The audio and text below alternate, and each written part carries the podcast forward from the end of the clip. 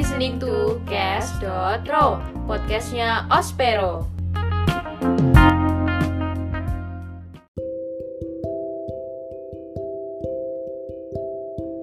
Hai, gimana nih kabarnya? Baik kan?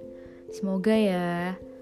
By the way, kalian pernah gak sih secara nggak langsung merhatiin kesehatan mental kalian? Apalagi akhir-akhir ini kan kegiatan sekolah lagi sibuk-sibuknya sama ujian dan tugas. Well, kesehatan mental yang memburuk terkadang karena dihancurkan oleh masalah yang bukan salah siapa-siapa. Dan hebatnya lagi, tanpa apresiasi, dia tetap menjalankan semuanya. Meskipun gak ada tempat untuk pulang, dia juga tetap saja berjuang. Dan meskipun harus menangis di malam hari, dia tetap mau terlihat bahagia dan tersenyum pada semesta di pagi hari. Terkadang, dengan kita jujur terhadap diri sendiri tentang apa yang kita rasakan, entah itu marah, sedih, kecewa, ini membuat kita jadi lebih tahu bagaimana caranya untuk bisa merespon perasaan itu, dan bantuan seperti apa yang kita butuhkan untuk menjaga kesehatan mental kita. Banyak banget orang yang tertawa, tapi tawanya bukan tanda bahwa ia baik-baik saja. Hanya saja, dia tidak memiliki energi sebanyak itu untuk bisa menjelaskan, dan mereka tidak sepeduli itu untuk merasakan. Orang yang tadinya mungkin masih bisa berjuang tanpa arah, masih bisa terlihat bahagia untuk semesta meskipun pada malamnya ia menangis, dan orang yang tetap menjalankan semuanya meskipun tanpa apresiasi, pada saat dia akhirnya sadar bahwa sudah tidak ada tempat untuk bercerita, pada akhirnya menjadikan self-harm sebagai pelarian. Banyak orang yang melakukan self-harm karena mereka merasa bahwa orang-orang tidak akan peduli sampai ada sesuatu yang terjadi orang tua, sahabat, teman, terkadang berpikir bahwa merekalah orang yang paling mengerti tentang kita.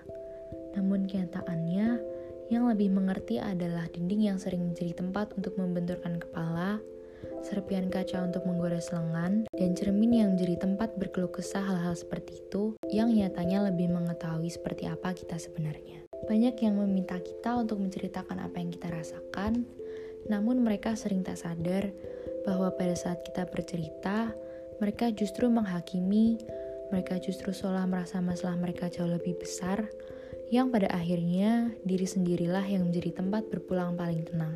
Ya kalau bukan kita yang menjaga kesehatan mental, siapa lagi? Kalau orang lain, bukannya kalau mereka justru menjadi akibat rusaknya mental ya. Ngomong-ngomong tentang self-harm, banyak banget yang awalnya menjadikan self-harm sebagai pelarian, sampai ingin mengakhiri hidup. Padahal, yang sebenarnya terjadi, mereka bukan ingin mengakhiri hidupnya, hanya saja ingin masalahnya cepat berakhir. Beberapa kesedihan butuh ruang untuk dimengerti. Tidak harus hilang, namun hanya butuh lega bahwa ia tidak merasa sendiri. Dan percayalah bahwa setiap orang punya lukanya masing-masing. Aku, kamu, kita sedang bertahan hadapi itu sendiri. Sebanyak itu orang yang akhirnya self-harm sebagai pelarian, tapi kenapa masih banyak ya yang belum aware atau sadar sama mental health? Aku rasa sudah saatnya kita mengubah stigma tentang kesehatan mental. Orang yang menderita depresi bukan berarti mereka kurang iman. Yang menderita anxiety bukan berarti mereka mencari-cari perhatian yang mengalami trauma bukan berarti mentalnya lemah, dan yang menderita gangguan mental bukan berarti tidak akan sukses. Ya, tapi faktanya tidak semua manusia bisa memanusiakan manusia. Hanya kata semangat yang bisa terucap dari akhir perbincangan singkat ini. Stay safe, stay healthy. See you on the other side. Bye.